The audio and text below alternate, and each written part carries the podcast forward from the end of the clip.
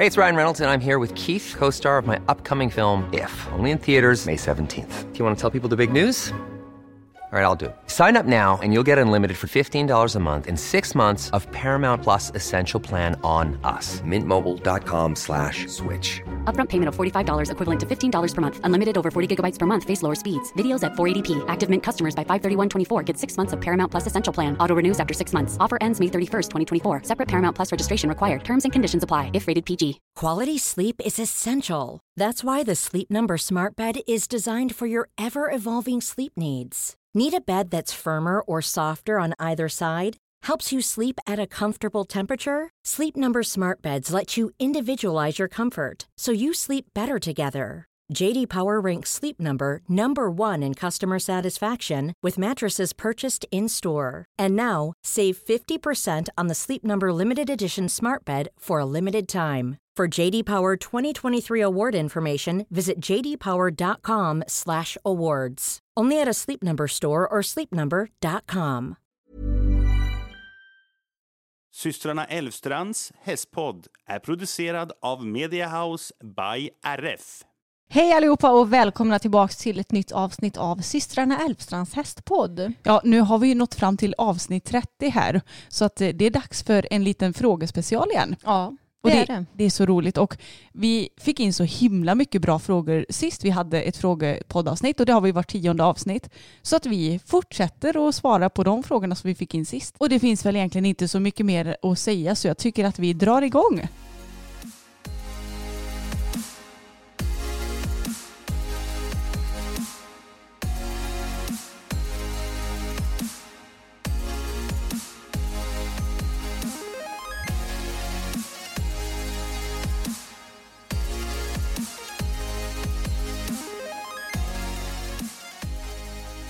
Ja, men innan vi drar igång och svarar på lite frågor så ska vi ju köta om vad som har hänt ja, sen senast vi tjötade mer helt enkelt. Och eh, det huvudsakliga som har hänt är väl egentligen att vi har tävlat dressyr på både Fokus och Bella. Det har vi gjort och vi åkte till vår hemmaklubb, Vara hästsportklubb. Och då kan man ju tycka att det borde vara safe för dem att åka dit och känna att så här, här hör jag hemma, här har jag koll på läget. Men nej, Fokus har nog aldrig varit så spänd som han var hemma. Nej, han har nog nästan haft sina spändaste runder på hemmaplan tror jag. Ja, jag tror nästan det också. Och frågan är om det inte är så att de är så vana vid hur det brukar se ut. Och så när det helt plötsligt står staket och transport, bland, eller framförallt transport, för vi har ju haft transporter som domarbås. Och alltså han var så otroligt spänd. Jag han komma in typ 10 meter in på dressyrbanan innan han bara nope och typ eh, försökte resa sig och lite så här. Och jag kände bara hur ska jag få den här hästen att gå framåt? Hur ska jag få honom att mjukna? Hur ska jag få honom att liksom slappna av lite? Men det var ju bara att inse att det går inte. Nej, och då får man göra det bästa av situationen och det tycker jag ändå att du gjorde. Ja, tack. Alltså, jag var ju extremt besviken efteråt för vi fick ju obviously inte så bra poäng för att det gick obviously inte så himla bra. och eh, jag blev bara så himla besviken efteråt. Jag kände att nu har vi tränat, vi har mentaltränat mycket inför den här starten och han har känts väldigt med mig. Och så går det ändå liksom ännu sämre än någonsin nästan har det kändes det som. Även om det såklart inte var det.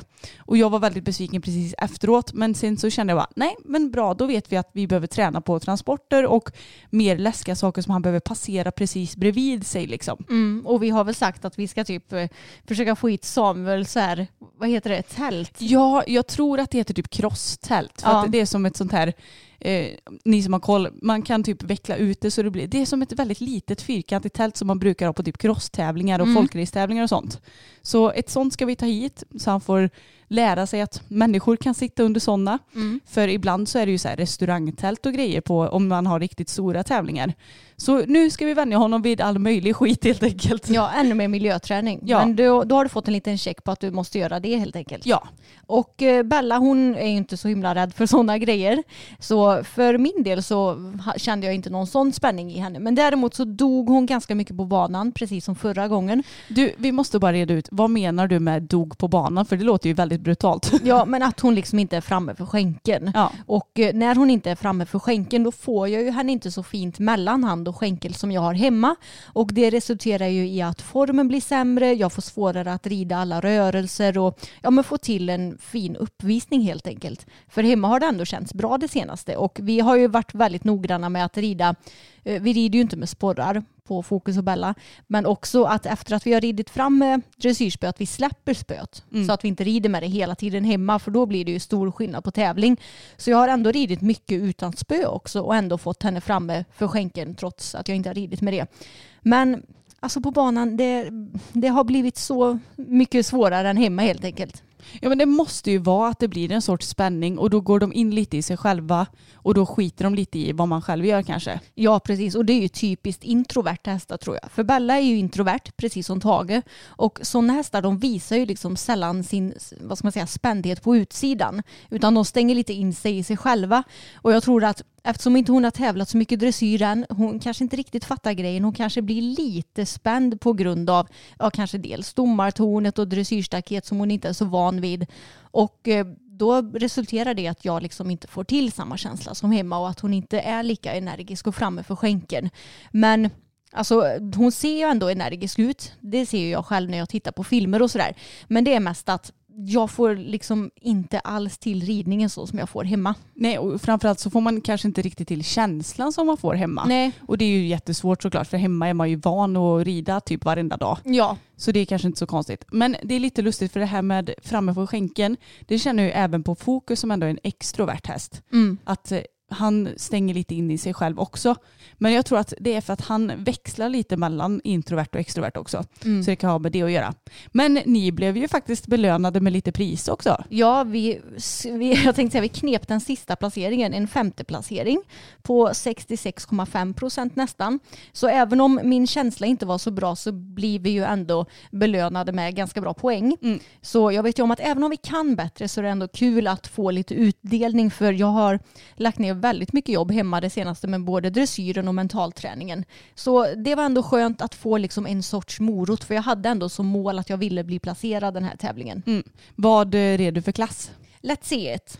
Vad har du, ska du fortsätta att rida Let's Se ett nästa tävling eller blir det att du steppar upp ett steg? Nej, nu ska jag steppa upp ett steg tänker jag Mm. till lätt B1 antagligen. Det, det som är bra med lätt B1 är att man kan ju rida lätt i ökningarna. Ja, jag vet.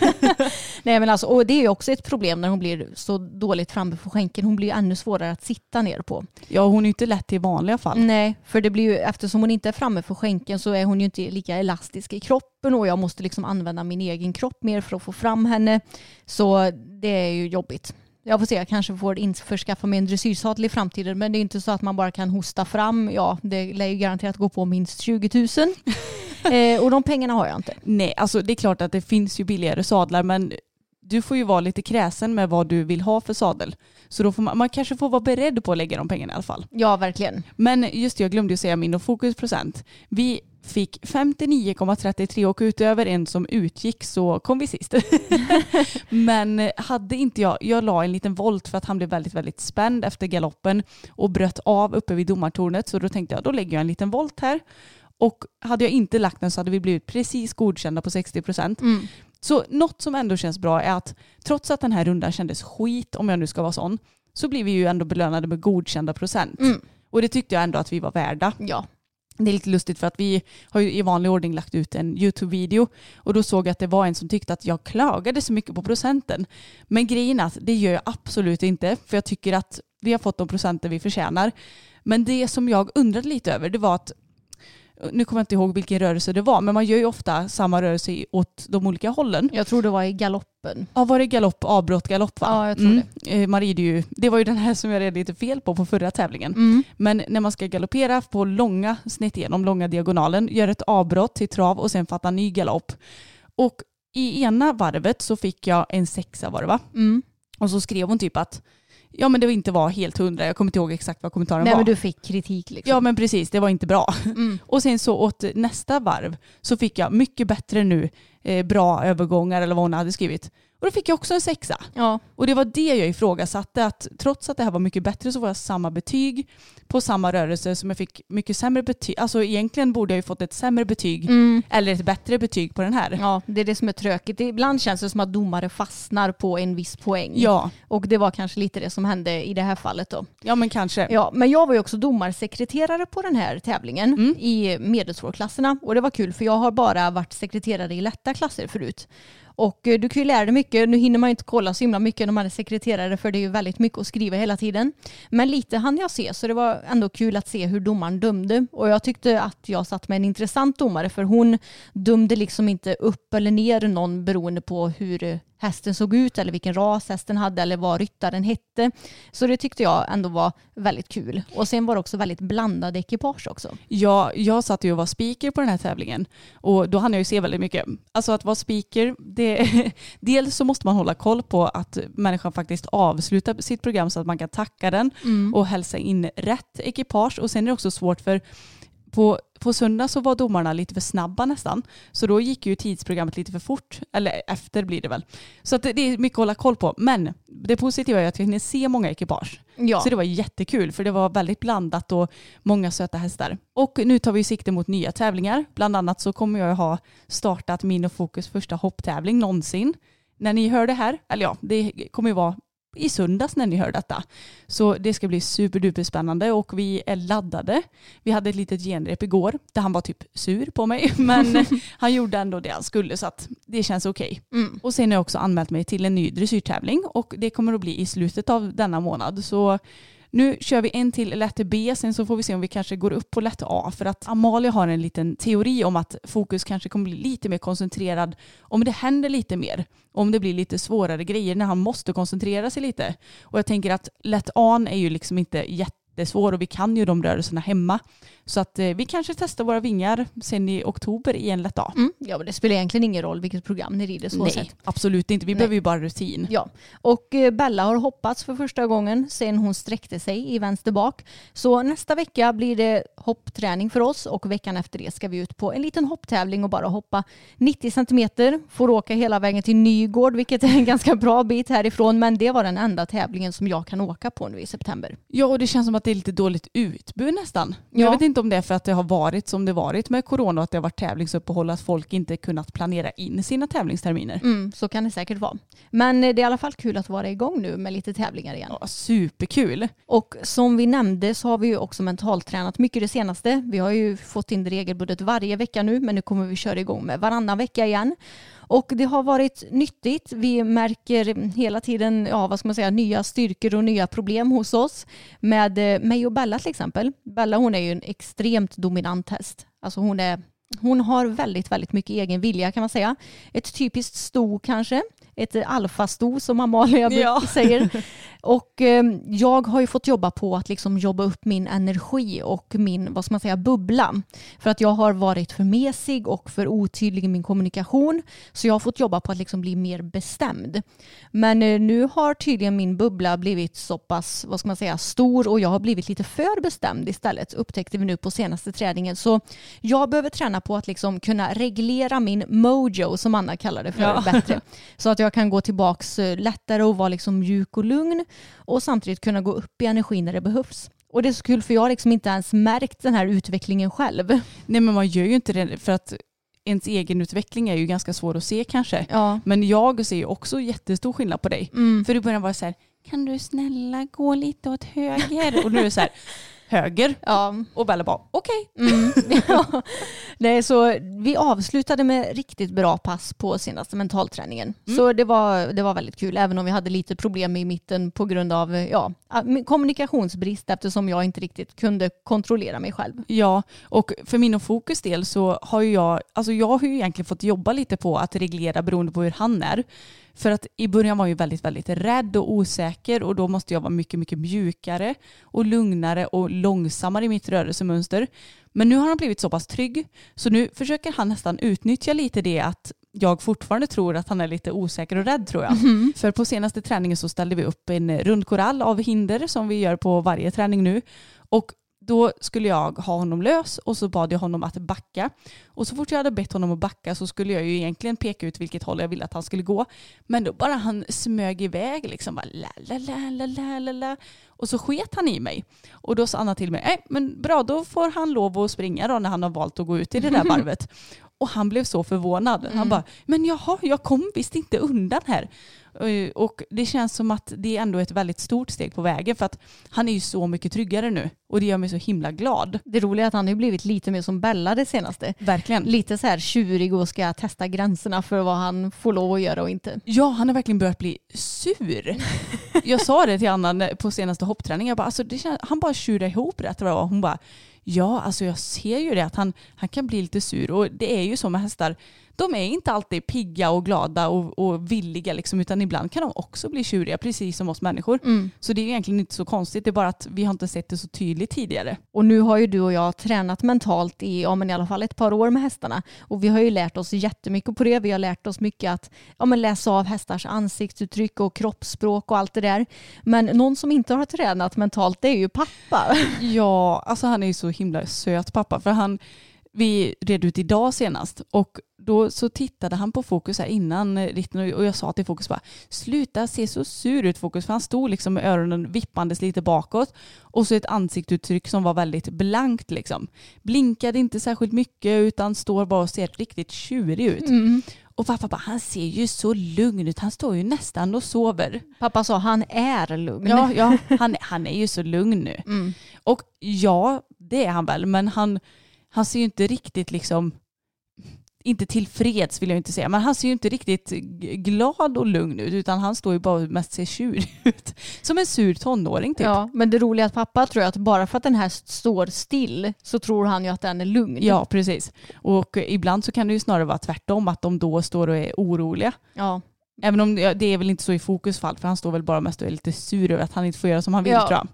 Men eh, jag tror att det är många som tror att bara för att den här liksom, ja, står still så är den lugn. Mm. Men det är ju mycket mer som man behöver läsa in för att se om en häst faktiskt är lugn på riktigt. Ja, för är en häst lugn så ska den ju ha sänkt huvud och den ska stå och blinka. För Mm. blinkar den inte så kan, står den gärna och är lite inne i sig själv. Och är den inne i sig själv så betyder det att den är obekväm på något vis. Precis. Så att eh, blinkande lugn häst med sänkt huvud är en lugn häst. Och sen ville pappa, när, efter, när vi kom tillbaks efter ridturen, så ville Fokus gäspa Mm. och få ur sig lite ja, spänningar och sådär. Vilket är jättebra att hästarna gäspar och slickar sig runt munnen och sådär. Och då skulle pappa direkt på honom och typ klappa honom och sådär. Ja, så jag bara pappa nu får du faktiskt backa tillbaka för nu, nu gör Fokus en liten release här med eh, alla sina spänningar. Ja. Och pappa bara jaha, Ja. förlåt Fokus sa. Ja. Och eh, utanför fönstret nu så ser jag att Boppen har lagt sig ner. Nej har han? Åh jag måste se. Det är inte ofta han gör det kan jag säga. Han är ju ledarhästen så han brukar stå och vakta de andra. Men nu ligger han och vilar. Men lilla gubbe. Så himla mysigt. Nu har han lagt sig ner helt platt på sidan som en pannkaka. Alltså det är så himla mysigt att ha hästarna hemma på gården. Ja, man, man får ett sånt här litet hjärtrus varje gång man ser dem. Ja, men på tal om Boppen så drog ju han av sig en eh, sko i skogen för några dagar sedan. Ja, jag fick hjälp av Samuel att rida. Det var perfekt för Samuel jobbar kväll den här veckan och det innebär att han börjar vid typ halv tre kanske. Så då kunde han rida med mig ut på morgonen. Så vi red ut bara jag och han på Fokus och Boppen. Och eh, det roliga var att när vi var i skogen och galopperade på ett ställe där vi brukar galoppera så håller jag alltid mycket utkik ifall det skulle komma någon för att det är ju ändå folk som är ute och går i våra skogar. Inom citationstecken våra skogar. och så ser jag två stycken damer så då saktar jag av så fort jag bara kan för att liksom undvika att skrämma dem. Men det var ju för sent. De hade blivit rädda. och jag, de, de sa det, oj oj oj vad ni skrämde oss. Och de känner ju oss lite grann för vi har ju pratat med dem tidigare.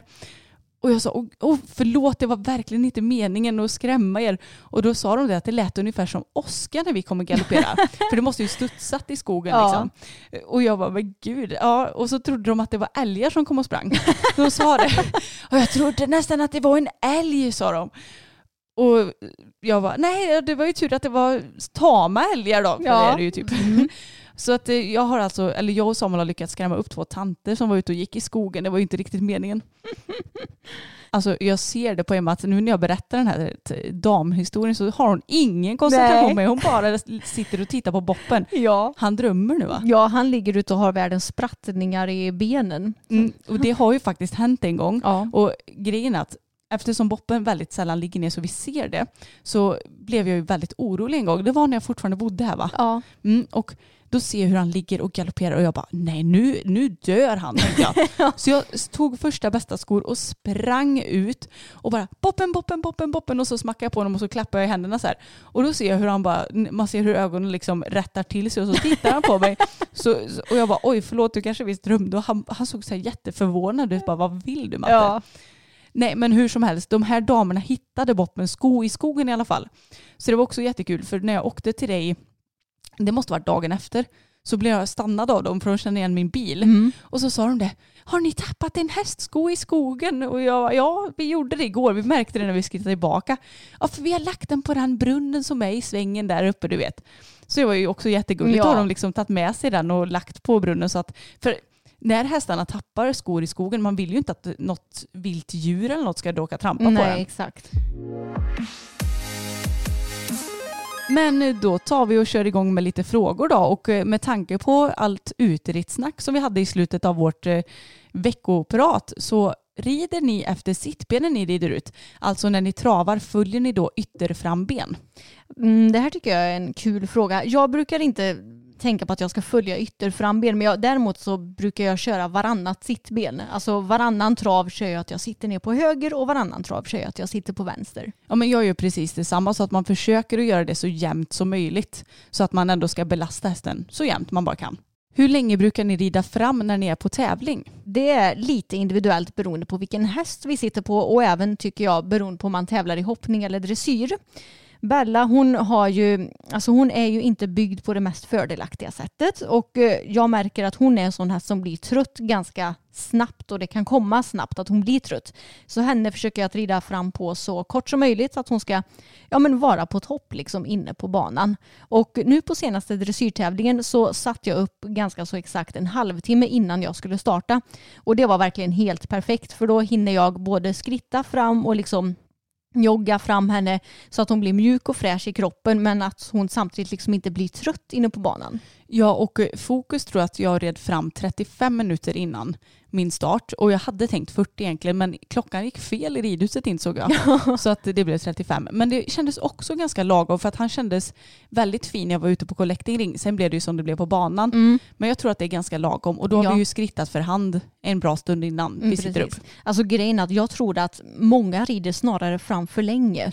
Jag tror det är ytterst få som rider fram för kort. Det tror verkligen jag också. Och vi diskuterade det här med, vem var det vi diskuterade med? Var det Emelie? Jag tror det var Emelie. Ja, för jag menar man ska ju ändå sikta på att ha den bästa känslan inne på banan Mm. och inte att glassa runt i tio minuter på framridningen. Nej, så att hästen är trött sen Mm. när den kommer in på banan. Så egentligen så får man nog, man får ju testa sig fram länge för att hitta den perfekta framridningen. Men till hoppning så brukar jag mest se till så att hästen har fått rört sig alla gångarter. Man kanske har gjort någon liten skänkelvikning eller öppna typ för att mjuka upp den. Och det är typ det. Ja, Sen kan man börja hoppa. Precis. Alltså, ja, på hoppning rider jag nog fram lite kortare skulle jag säga. Det är ju bara om man jämför med en vanlig hoppträning till exempel. Du behöver ju inte rida, i, rida fram i en halvtimme innan du hoppar en bana liksom. Nej, nej, det behöver man absolut inte göra. Nej. Sen är det också såklart individuellt, men på våra hästar så har vi aldrig känt behovet av det i alla fall. Nej. Så länge de är ordentligt framskrittade, för det är ju det allra viktigaste. Exakt. Den enda hästen som vi rider fram lite längre på det är Boppen.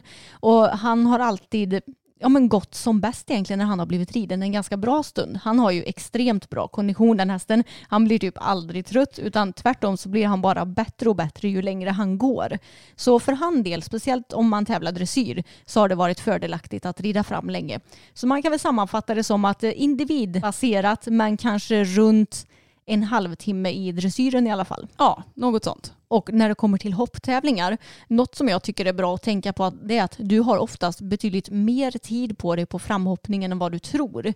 Det är lätt att man kanske känner sig lite stressad när man kommer in på framhoppningen men du har väldigt gott om tid på dig att både liksom, ja, men galoppera igång hästen ordentligt där om du inte har haft möjlighet att göra det på framridningen och sen hoppa fram i lugn och ro. Ja, och jag tror att många kanske tänker att de måste hoppa så himla många språng. Men det, man behöver inte hoppa så himla mycket heller. Nej. det beror ju också såklart på vilken häst. Men för vår del så behöver vi ju max ta varje hinder ett par gånger. Ja, exakt. Om hästen är spänd kanske ett par gånger till. Men mm. less is more brukar jag tänka. Ja, faktiskt. Vad är ni mest rädda slash oroliga för inom ridsporten? Alltså, det första som kommer upp i min tanke det är att det ska hända hästarna någonting så att man är tvungen att ta bort dem. Och sen också såklart att vi själva ska skada oss så illa att eh, ja, att dö kanske inte jag är sådär jätterädd för. För det, jag tänkte säga, det märker man ju inte själv. Men att man blir liksom så pass skadad att man kanske typ blir förlamad eller får någon så här, alltså jätteallvarlig skada. Ja, alltså jag, jag håller verkligen med. Jag kan nog egentligen inte fylla i så mycket mer på din lista där. För att jag, jag är jätterädd för att det ska hända något allvarligt både med oss och hästarna. Och det hade varit jätte, jättejobbigt. Och jag har inte så mycket dödsrädsla. För som du säger, det är ju mycket jobbigare för de som är kvar på jorden. För mig så märker jag ingenting. Mer än att det kanske är smärtsamt precis innan. Om det beroende på hur man dör. Ja. Jag säga. Fy vad hemskt att prata om. Men, men jag, är, jag är verkligen jätterädd för att det ska hända något allvarligt. Även om jag, jag tänker faktiskt inte så mycket på det. Nej. Så det är ju skönt. Jag, jag tror att man får inte tänka för mycket på det. Nej. För då blir man ju helt galen. Men det är väl lite av den anledningen som jag själv är lite mesig i typ hoppningen till exempel. Ja, men finns det något annat som du känner att du är liksom lite mer vardagsrädd för då? Hmm. Om vi inte tänker så worst case scenario liksom, ja. utan lite mer... Nej, alltså egentligen inte tror jag. Nej, för min del så Alltså de, de enda så här skräckbilderna jag kan få upp i huvudet ibland, det är om man galopperar väldigt, väldigt fort i skogen. Mm. Och så tänker jag, tänk om det hoppar ut en älg eller någonting. Ja. Det, det, är typ sådana som kan poppa upp. Men det är ju inte ett så pass stort rädsleproblem för mig att jag, jag behöver ta tag i det. Utan det är mer så här, det kommer upp en bild och sen så mm. fortsätter man galoppera. Mm. Men det är typ det som jag ändå känner mig mest så här, snälla älgarna, håll er långt borta just nu. Tack. Ja men så kan jag också tänka ibland. Ja. För det har ju hänt ibland när man har galopperat och så har en älg sprungit över vägen. Sen har ju inte det hänt någon olycka på grund av det någon gång. Nej. Men det skulle ju kunna hända. Vad tycker ni om försäljningsstall med främst importerade hästar? Rolig fråga tycker jag. Alltså svår fråga också för jag ja. känner jag har kanske inte sådär jättestarka åsikter inom ämnet men det är klart att det är klart att svenskt ska man ju stötta i högsta möjliga mån när det kommer till allt egentligen. Och eh, svenska hästar, jag kan ju bara jämföra med Bella och Boppen är också svensk. Men de är ju två mycket mer grundtrygga hästar än till exempel Fokus. Och man har liksom koll på deras historik och jag köpte ju Bella direkt från uppfödaren till exempel. Och det kändes väldigt seriöst och tryggt. Och jag tror att det kan vara svårt att få till samma trygghet kanske om man köper importhästar för du har inte koll på deras historik och vad som har hänt dem tidigare i livet även om de kommer ifrån ett bra stall i Sverige. Nej men precis och alltså egentligen så tycker vi väl inte så mycket negativt om importerade hästar liksom så sett men One size fits all seems like a good idea for clothes until you try them on. Same goes for healthcare. That's why United Healthcare offers flexible, budget-friendly coverage for medical, vision, dental and more. Learn more at uh1.com. Ever catch yourself eating the same flavorless dinner 3 days in a row, dreaming of something better? Well, HelloFresh is your guilt free dream come true, baby. It's me, Gigi Palmer. Let's wake up those taste buds with hot, juicy pecan crusted chicken or garlic butter shrimp scampi. Mm. Hello Fresh. Stop dreaming of all the delicious possibilities and dig in at HelloFresh.com. Let's get this dinner party started.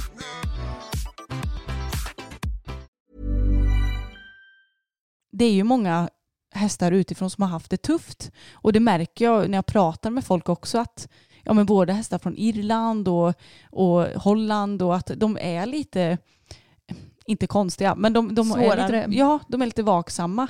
Och det kanske inte är så konstigt för att vi har ju en viss hästhållning i Sverige och även om vi sagt många gånger att inte alla personer i Sverige är bra med sina hästar, men överlag så har vi en bra hästhållning här och då är det inte så konstigt att utlandshästar är lite annorlunda. Men jag kan säga det att nästa häst jag köper det får bli en svensk tror jag. Ja, det tror det. Ja, mm. även om alltså, jag älskar Fokus och han är bland de finaste hästarna jag har sett tror jag. Men eh, mm, det har varit en jobbig resa och det är fortfarande jobbigt ibland. Ja, verkligen. Vad gör ni när ni trillat av? Sitter ni upp direkt eller väntar ni en stund? Det här tycker jag är en rolig fråga för alltid, eller när man var ung så fick man ju lära sig att du måste hoppa upp direkt om du ramlat av annars kan du bli rädd. Jag säger bara bullshit på den. Mm. Det är farligt att hoppa upp med en gång om du har slagit i huvudet till exempel.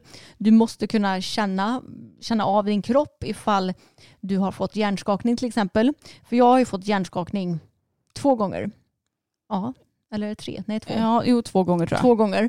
Och eh, det märker du ju inte efter tio sekunder kanske om du har fått en lite mildare hjärnskakning. Utan det märker du kanske efter en minut.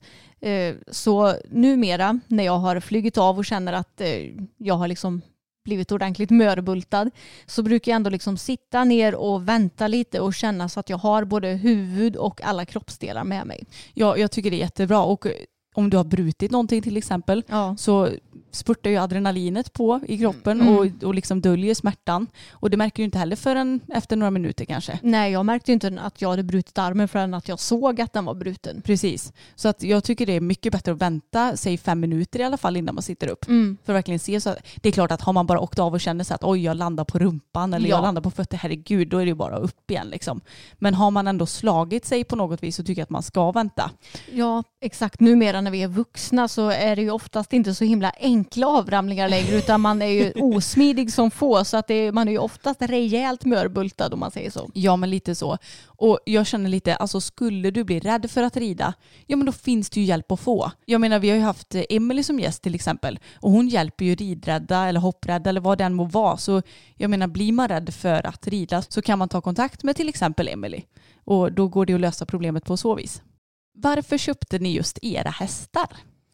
Det här är också en rolig fråga. Ska vi ta den i eh, kronologisk ordning tänkte jag säga? Ja men det tycker jag. Vi tar och börjar med Tage då, för han har vi ju haft längst. Och innan Tage så hade vi ju vår första häst Bohun som var en underbar häst på många vis men han ville inte hoppa på tävling för han var väldigt tittig så han ville gärna titta på varje hinder innan han hoppade dem och det funkar ju inte riktigt på tävling. Nej.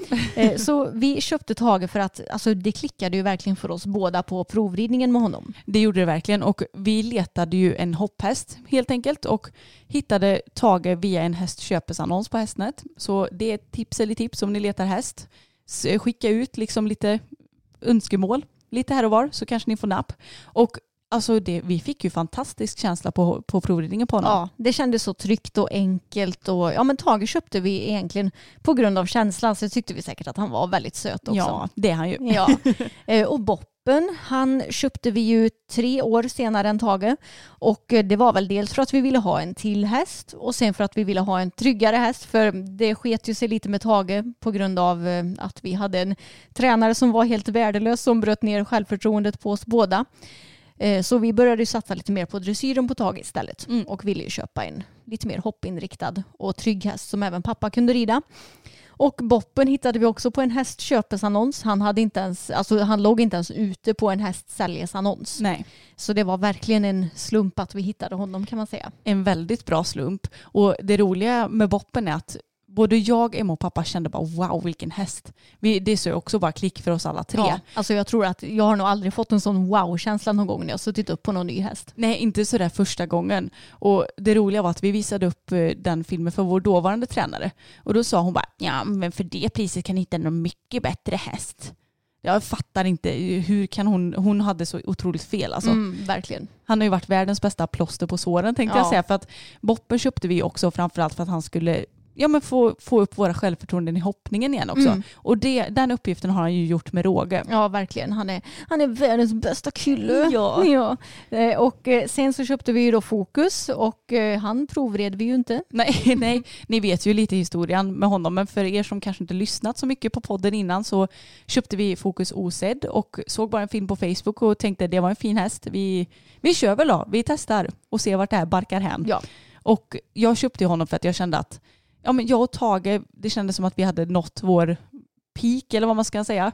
Så jag behövde en lite mer utmaning och eh, jo tack, utmaning blev den. Lite större än vad du hade tänkt. Ja, men jag, jag ser ju verkligen det. Alltså när jag tittar tillbaka på ett par år gamla bild, eller filmer menar jag. Det har ju hänt ganska mycket. Ja, Både med verkligen. mig och Fokus. Så det är ju det är kul att se att det går framåt i Ja. utvecklingen. Och sen så kom Bella och eh, henne köpte jag ju 2018. Och eh, då var ju Boppen 21 år så jag letade väl efter ja, men en ny yngre hopphäst som jag ändå kunde ha som lite påläggskalv inom stationstecken. Mm. Och eh, hittade också Bella av en slump när vi var och eh, kollade tänderna på Fokus var det va? Ja, alltså så flummigt egentligen. Mm. En riktig slump. Och då så sa ena tan- tandsköterskan att jag har ett sto som är jättefint och trevligt och låter som det ni söker för vi började ju prata om att du letade Mm. häst. Och det såg väl också ganska mycket klick på den provningen va? Ja, först fick jag ju se filmer på henne och eh, kände att oj det där ser verkligen ut att vara min typ av häst. För hon såg ut att ha liksom energi utan att vara het och hon var lite grövre i typen. Jag gillar ju lite grövre hästar. Så jag blev väldigt nyfiken på att provrida. Och eh, då gjorde jag det. Och även om hon bara var fem år så fick jag en väldigt trygg känsla av henne. Och fick till en väldigt härlig liksom, känsla i ridningen även om hon som sagt bara var fem år. Hon var inte så stark så dressyren kanske inte var det enklaste.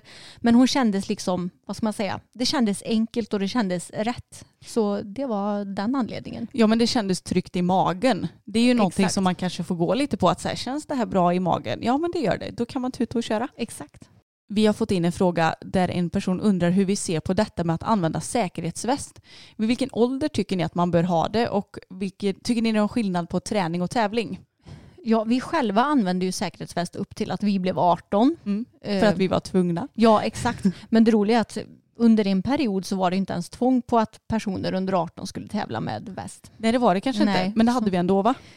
Ja, hade vi det verkligen? Jag vet inte. Jo, det hade vi säkert. Jo men det tror jag för mamma Jo. och pappa tyckte väl att vi skulle ha det. Ja, Och man får ju följa sin målsmans eh, åsikter tänkte jag säga. Det är ju bara att lyda. Mm.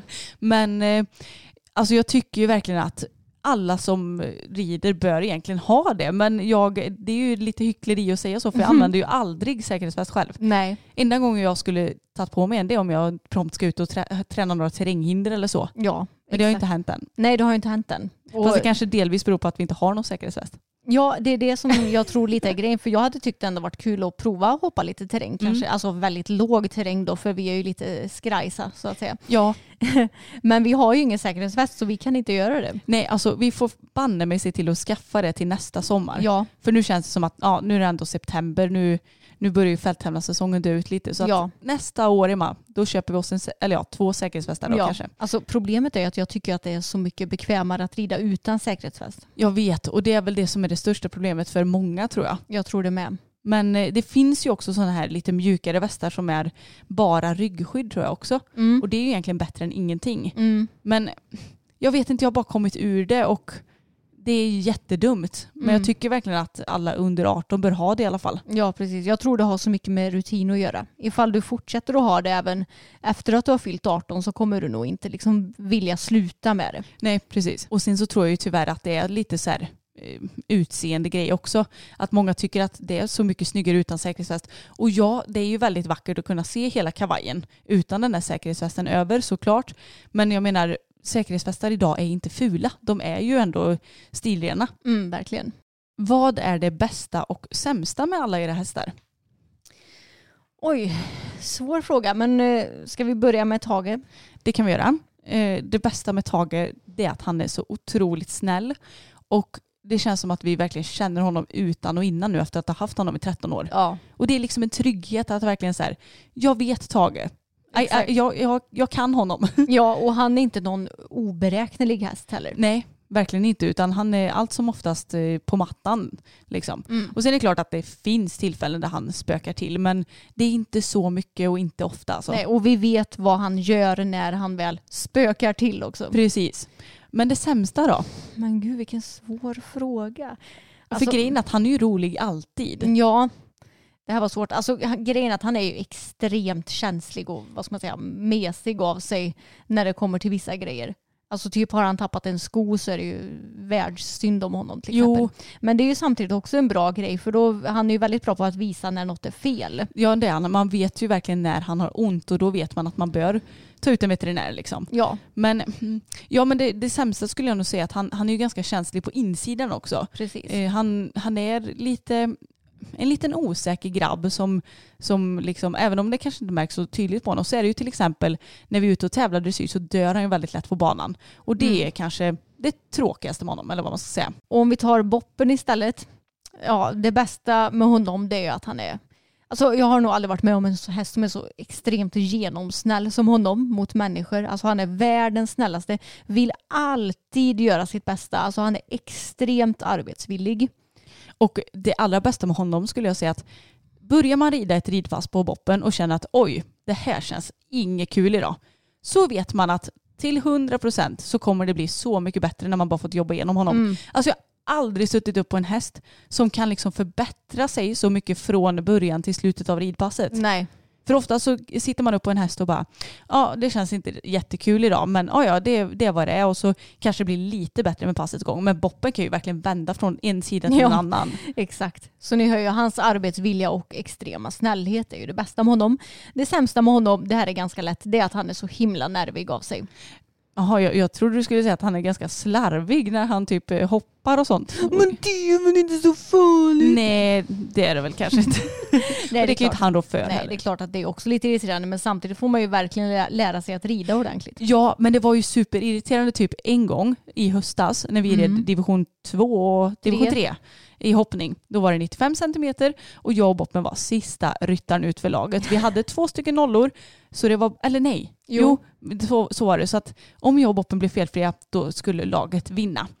Och jag och Boppen går ut och gör jättefin början av rundan. Kommer till näst sista hindret och jag smackar till lite på Boppen. Det var en oxer upp mot läktaren så jag tänkte nu behöver jag stötta upp honom lite mer. Han hoppar ett perfekt språng och petar ner bommen med tån. Ja, Det var irriterande för jag Ja. bara, jag, jag gjorde inga fel här. Nej. Jag gjorde allt rätt och ändå petade han. ja, det är lite irriterande. Ibland kan det kännas som att man rider helt perfekt men ändå så är han slarvig.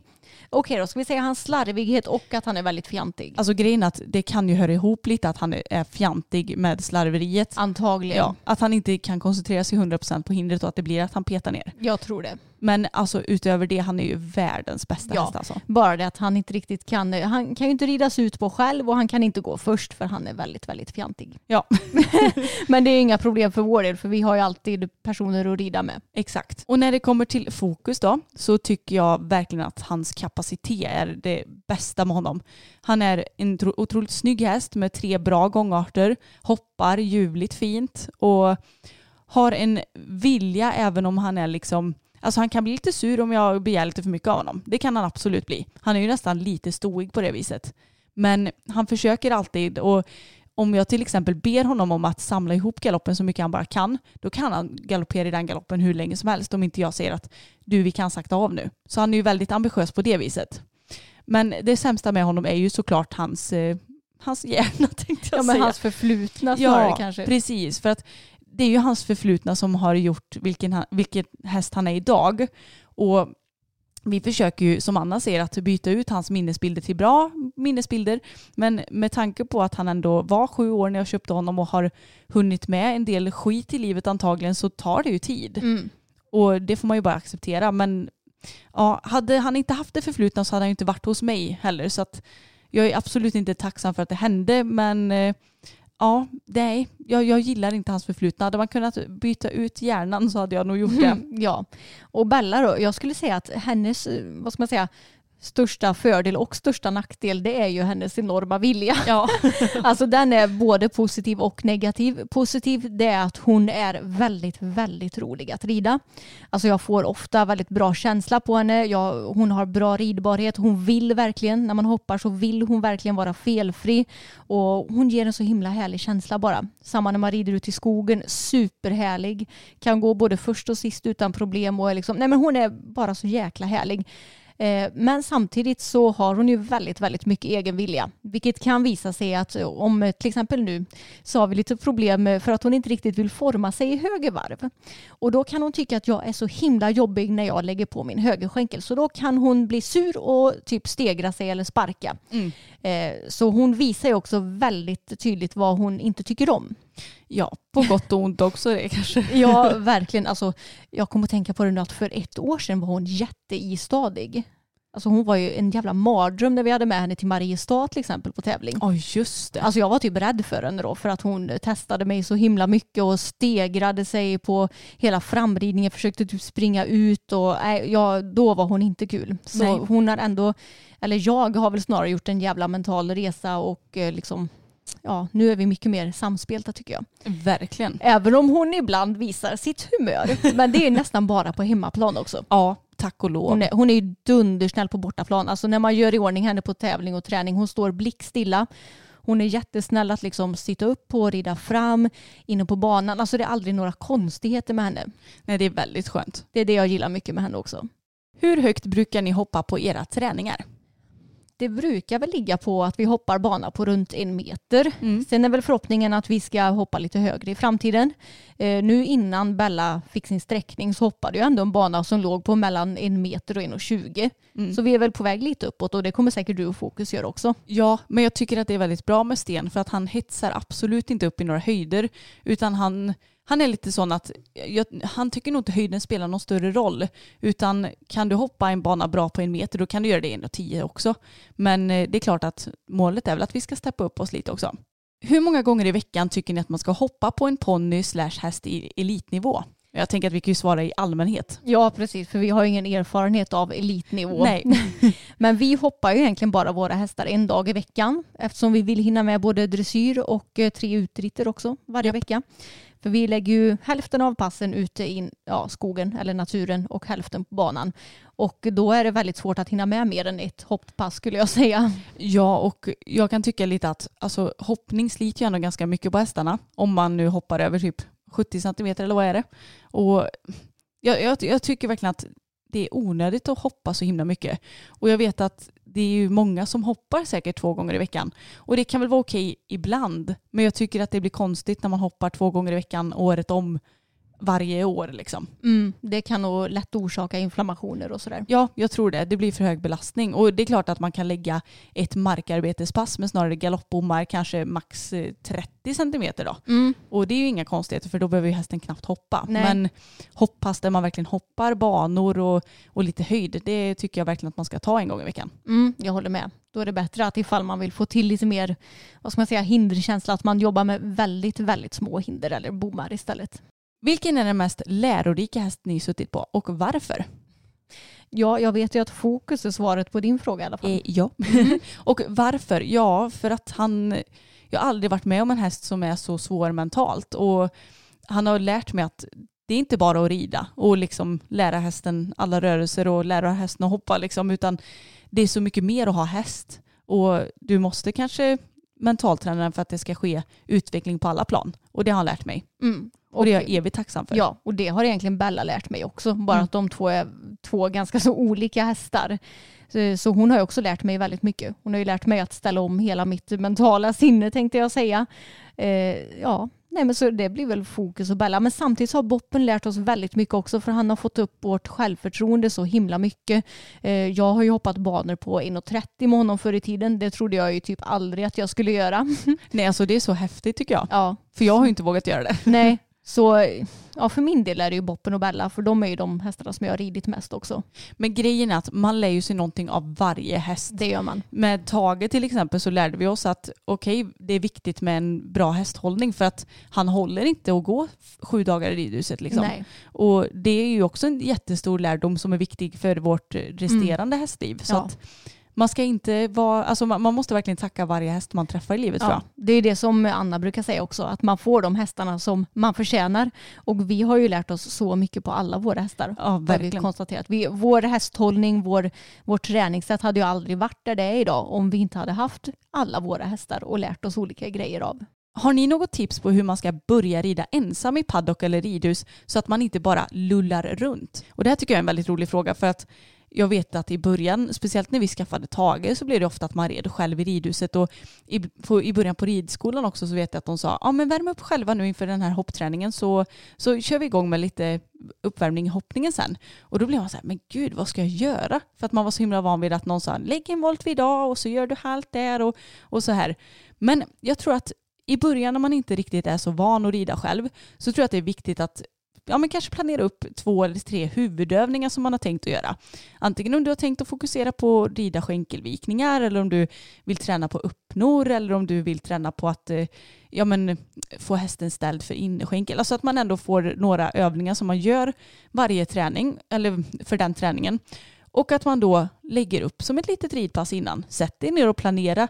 Ja, men börja med att skritta fram och trava fram och sen så ska jag göra det här och det här och det här. Så att du ändå har en liten plan i huvudet. Mm, det tror jag är skitbra. För eh, säg att du har skaffat dig din första egna häst. Då tar det ändå ett litet tag innan du lär dig vad den hästen behöver. För nu när du sa den här frågan tänkte jag, men gud jag har aldrig liksom tänkt på det här. Just för att det kommer så naturligt för mig att jag sitter upp och så känner jag hur hästen känns. Och sen så utefter det så vet jag vad jag kommer träna på. Ja, men det är ju när man ridit lite längre. Men Ja. jag tänker i början när man inte har så mycket koll så är det väldigt bra att göra en liten, göra en liten lektionsplanering. Det är ju Mm. nyttigt både för din egen skull men också eh, se att du kanske skulle vilja bli tränare i framtiden. Mm. Då är ju det jättebra att sätta sig ner och verkligen göra en lektionsplanering. Ja, jag tror det är skitbra. Ja, alltså jag tror att det är bra oavsett vilken nivå man rider på eller oavsett om man är van vid att rida själv eller Ja, inte. exakt. Men eh, ja, ett tips att planera. Ja, för jag kan säga att man märker tydligt skillnad på när du och jag rider i paddocken och när pappa rider i paddocken. Han, han, han eh, lullar runt kan man säga. Han Men, rullar eh, runt, hamnar väldigt gärna bakom oss så att det blir lite följa John av det hela. Vilket kan vara något irriterande. Men det är verkligen så här, man ser på pappa, och så fort man har kortat tyglarna och så har man skrittat en liten stund och så Mm. fort jag tar mitt första travsteg då ser man hur han börjar trava. Ja. Och sen när man börjar galoppera, ja då börjar han galoppera. ja, det är så himla gulligt. Ja, det är väldigt gulligt. Men vi kanske ska ge det här tipset till pappa då. Ja, det borde Ja. vi göra. Han kommer bara, nej nej, jag vill bara rida i skogen. Ja, det är det han tycker är kul. Ja. Vad tycker ni om orutinerade ryttare som skaffar unga och eller orutinerade hästar? Ja, det är ju kanske inte den bästa kombinationen tänker jag rent spontant. Nej, det är det ju inte. Men å andra sidan så kan ju inte vi sitta och ha åsikter om vilka hästar folk skaffar sig. Nej, Och jag tänker som så här, har man bara väldigt mycket hjälp från tränare så tror inte jag att det är något problem. det tror inte jag heller. Jag tror det beror jättemycket på, som du säger, vad man har för miljö runt omkring sig. Som när vi skaffade vår första häst. Vi var inte speciellt rutinerade. Nej, hur länge hade vi ridit? Typ ett, Ett och ett halvt år. Mm. Men vi stod på ridskola och hade mycket rutinerat folk runt omkring oss och då går det ju bra. Men jag skulle kanske inte rekommendera att liksom, om du har ridit i ja, ett år köper en ung häst som är väldigt orutinerad och bara har den hemma utan att få någon hjälp. Nej, Liksom. nej, precis. Verkligen inte. Utan då gäller det ju faktiskt att man har bra människor runt omkring och gärna som man kan ta kontakt med jämt om det är någonting så att man får svar på sina frågor. Då kör vi en liten avslutande fråga här. Vad har ni för transport och vad tycker ni om den? Och vi har en, ja, nu ber jag om ursäkt om eh, uttalet är lite knepigt där, men Humbaur Arrow, nej Santos Arrow heter den. Mm. Och eh, vi köpte den från Värmlandsvagnen tror jag. Ja. Och det är nog ett tyskt släp som heter Humbaur. Eller Humbaur, jag, alltså jag vet inte hur man uttalar det där. Du har ju läst tyska så Jag du borde ju vet. veta. Men det gör jag inte. Men jag tycker att den är väldigt fin. Den är i glasfiber framför allt. Nej, så heter det inte alls. Den är i aluminium framför allt. Mm. Med aluminiumgolv och sen har den ju glasfiber som tak liksom.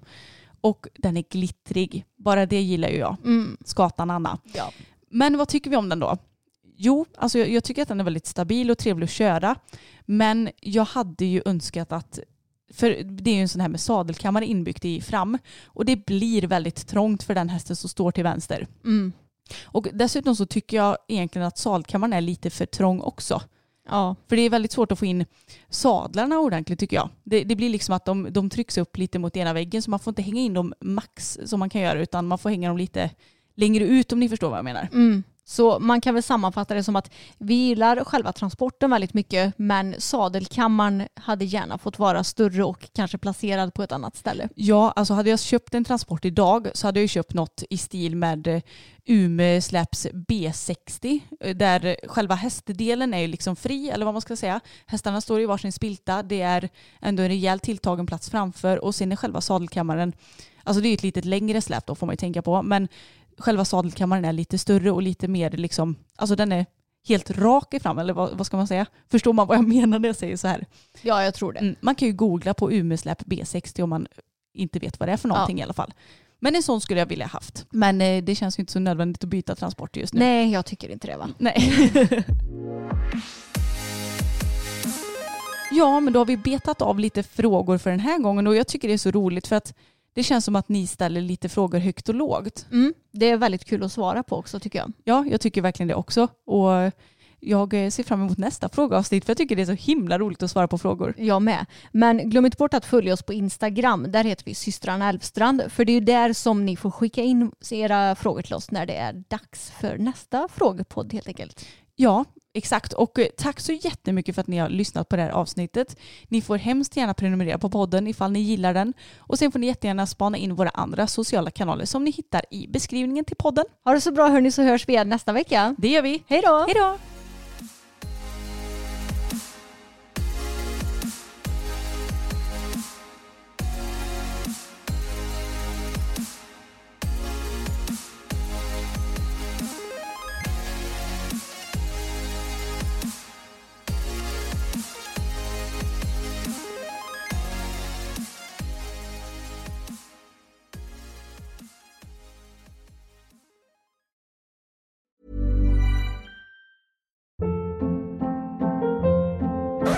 Hold up. What was that? Boring. No flavor. That was as bad as those leftovers you ate all week. Kiki Palmer here, and it's time to say hello to something fresh and guilt-free. Hello Fresh. Jazz up dinner with pecan-crusted chicken or garlic butter shrimp scampi. Now that's music to my mouth. Hello Fresh. Let's get this dinner party started. Discover all the delicious possibilities at hellofresh.com.